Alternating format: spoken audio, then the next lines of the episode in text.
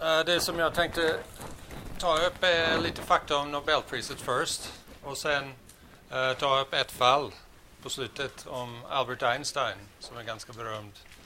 Ehm, för att kontrastera lite grann hur det var förr i tiden och idag.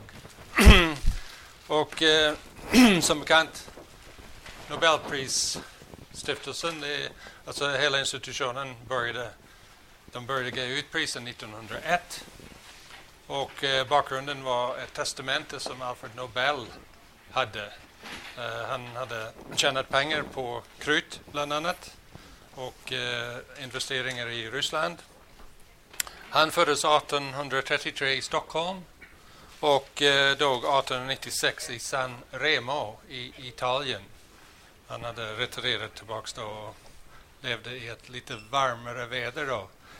Eh, Det första priset delades ut 1901. Eh, så att varje år, förutom under första världskriget, det var några uppehåll, eh, kan man säga att det är över hundra gånger det har funnits Nobelpris och i genomsnitt kanske eh, fem, sex, sju stycken. Så då gissningsvis, jag har inte kollat exakt siffror, men man kunde säga 800 Nobelpris som har gått över åren. Det finns, ursprungligen fanns det fem kategorier. Fysik, kemi och medicin plus fysiologi som det heter, alltså det inkluderar fysiologi. Och eh, för dem då fanns det nomineringar och kommittéer, då, två på Kungliga Vetenskapsakademien i Stockholm för fysik och kemi och sen på Karolinska institutet i Stockholm som granskar de nomineringar som kommer in ifrån olika folk i forskarsamhället. Uh, och de finns på Karolinska institutet då. Sen fanns, finns det då litteraturpriset och det är Svenska Akademin som har hand om det. Och sen fredspriset som det är Stortinget i Oslo. Och det känner ni igen ifrån tv-dagarna liksom när, kring Nobelfestiviteter i uh, december. Eh, uh, 1968 då inrättades ett ytterligare pris genom Riksbankens försorg. Och 69 då var det en kommitté också på Kungliga Vetenskapsakademin som började sortera bland eh, olika nomineringar. Folk som skulle eh, vara nominerade för ekonomipriset. Så den har funnits med nu ett, ja, nästan fem, ja, 50 år. Då. Um, man kan säga då Nobelpriset är en unik institution. Och så, den ger Sverige väldigt mycket glans. Det har blivit ett varumärke. Uh, och ursprungligen var det väldigt mycket ifrån eh, uh, 1800-talet av den här tanken att indivi vissa individer var genier. Så att det är väldigt genibetonad. Men på senare tid då kanske det inte är det individuella som är eh, det viktigaste utan nu är det väldigt mycket stordrift. Jag ska komma tillbaka till det. Men vad Sverige har fått då är väldigt mycket synlighet över åren och det får vi varje år nu också med Nobelpriset.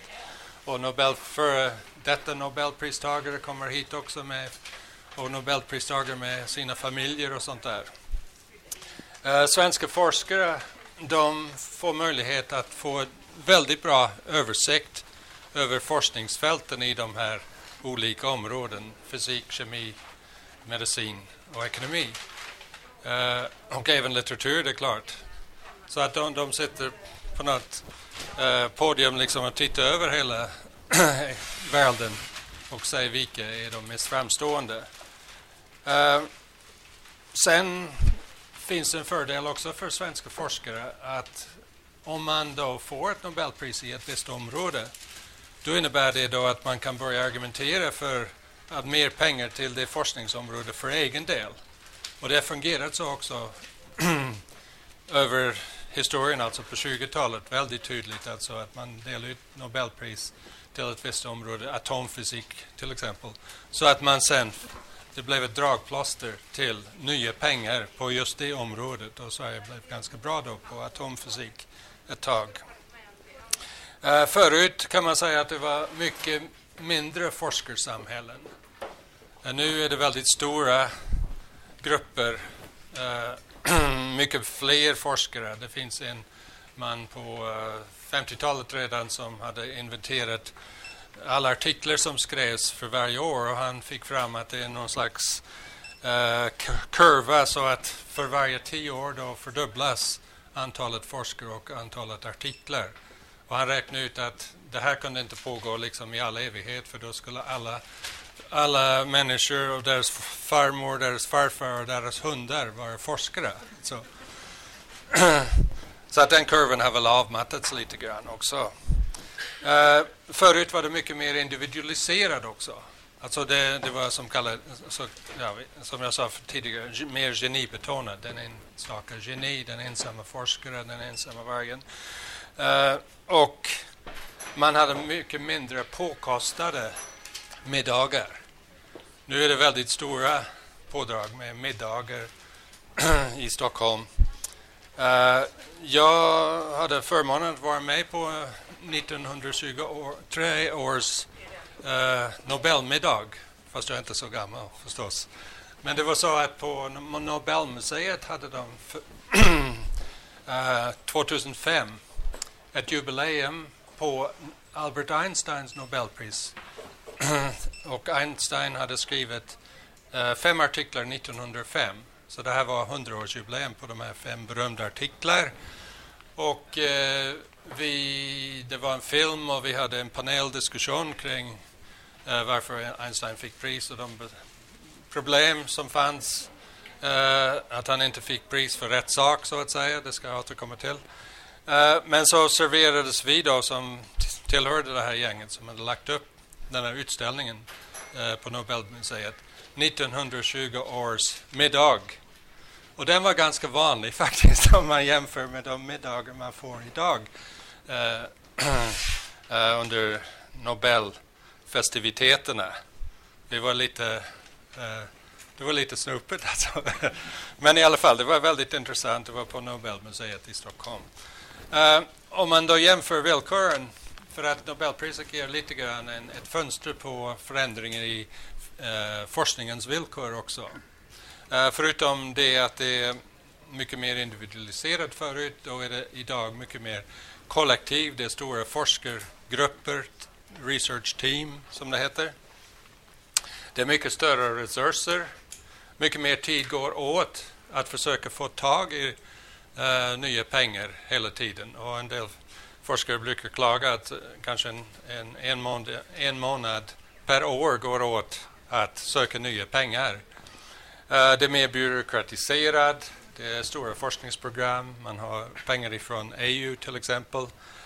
Uh, och det, ja, och det är en mycket större, större granskningsprocess också när man väl har uh, skickat in en forskningsansökan. Då är det många personer som ska granska det. Och detsamma när det gäller eh, Nobelpriset, nomineringar. Eh, det är inte den lilla gruppen av kanske fem personer som tillhör Nobelkommittén i fysik. De klarar inte av själva att behärska hela fältet, så de måste också anlita annan expertis. Men förr i tiden då gjorde de det själv. Och det ledde ibland till då att, som i fysik, att de var fast i ett gammalt tänkande det klassiska fysik med Newton och så vidare. Så att nya idéer som Einsteins, de eh, uh, trodde att det var spekulativ. Och det var en av anledningarna att Einstein inte fick ett pris på länge. Man säger ibland då att om Einstein hade levt idag, då skulle han inte få någon chans att få ett Nobelpris. Med alla den här byråkratisering och all den här kollektivisering och alla stora utrustning som måste till om man ska lagra fram fakta. Man måste ha stora ja, maskiner så att säga för att kunna titta in i det minsta materia eller att titta in i cellerna eh, i eh, biologiskt material och så vidare. Och det, det använder forskare ibland då när de blir för liksom, trött på allt det här, ansökningar och allt raseri. Då säger de, ja, hade varit Einstein då hade han inte fått pris överhuvudtaget. Uh, nu till Einsteins pris då. Uh, han fick Nobelpriset 1922, men det var 1921 års pris. Och uh, jag nämnde redan det här att 1905 hade han skrivit fem berömda artiklar. bland annat den om relativitetsteori, den speciella relativitetsteori och i den eh, artikeln hade han bilder också på ett tåg som åker och sen ett blixt som kommer ur himlen och så resonerar han om hur det ser ut för en passagerare på tåget och eh, tiden och rummen och hur det ser ut då för en person som finns eh, ja, ute, står vid eh, Banverket eller banan där. Eh, och re resonerar sig fram till att de har olika tider, de har olika klockor och att de har olika rymdmått. Och det var väldigt eh, eh, konfunderande, inte minst för en del på Nobelkommittén eh, efter folk började nominera Einstein för just det här med relativitetsteori. De tyckte att det var filosofi, det är spekulativ. Det här är inte fysik. Och i Alfred Nobels testamente det stod också explicit att Nobelpriset skulle gå till upptäckter, det vill säga man upptäcker någonting som inte någon annan har vetat om tidigare. Man avtäcker naturen så att säga. Eller uppfinningar, det vill säga någon pryl eller någon teknologi som eh, Dahlén, Dahléns fyr. Dahlén fick eh, Nobelpris för, fyr, på, för det upptäckten av eh, en bättre eh, fungerande eh, fyr ute för navigation och så vidare. Eh, så det var ett problem för Einstein att han höll på då med relativitet, relativitetsteori och det ansågs vara ganska spekulativ. Uh, och egentligen det skulle vara hårda fakta och uppfinningar. Men och så, sen han började nomineras eh, uh, 1910 och sen den allmänna relativitetsteorin det utvecklade han 1915 och därefter började han också nomineras för två olika relativitetsteorier som gör det ännu mer uh, eh, komplex.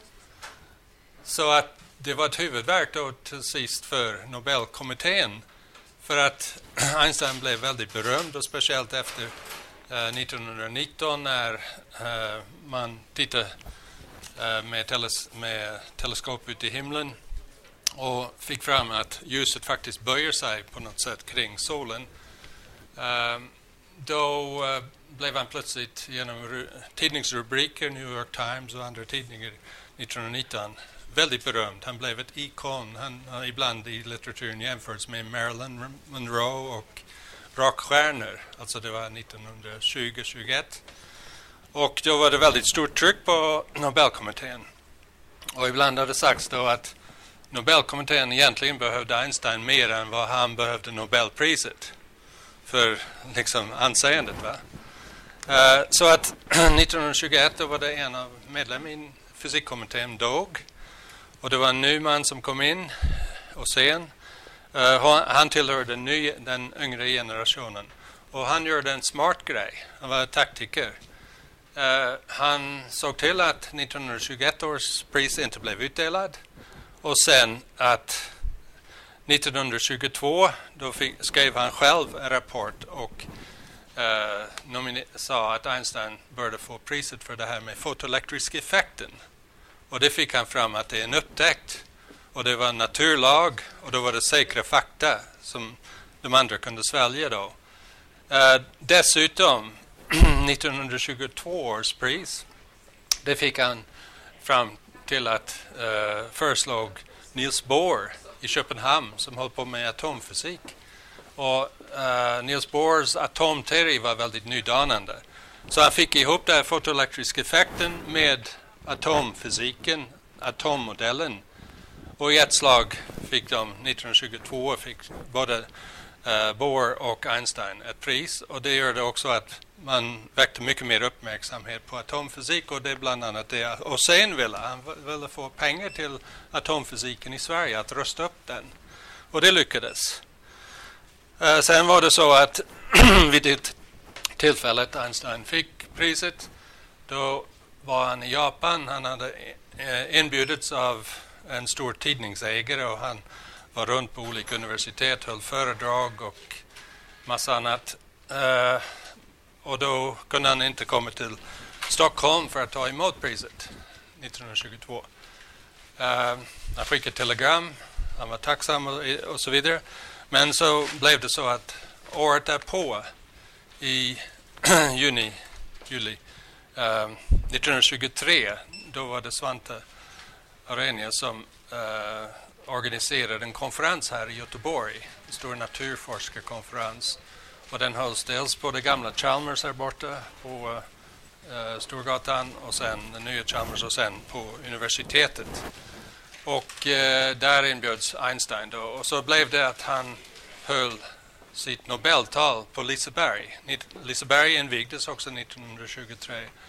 Och eh, i den stora konserthallen som sen bränn, blev nedbränd. Men där höll han Nobeltalet. Och där satt kungen i första raden och flera andra digniteter. Och det lär vara så att de här bänkarna i den gamla konserthallen, det var en, liksom en nybyggnad, mycket glas och så vidare och det var väldigt varmt. Så att bänkarna hade varit nylackerade. Och när Einstein började prata om, om relativitetsteori, för han pratade om det som han inte fick priset för, va? bara för att jäklas. Uh, det, och han höll på att peka på olika koordinatsystem. Och det har skrivits då i Dagens Nyheter på den, den tiden att uh, uh, publiken var helt liksom entusiasmerad och de satt helt tysta som om de var klistrade i stolarna.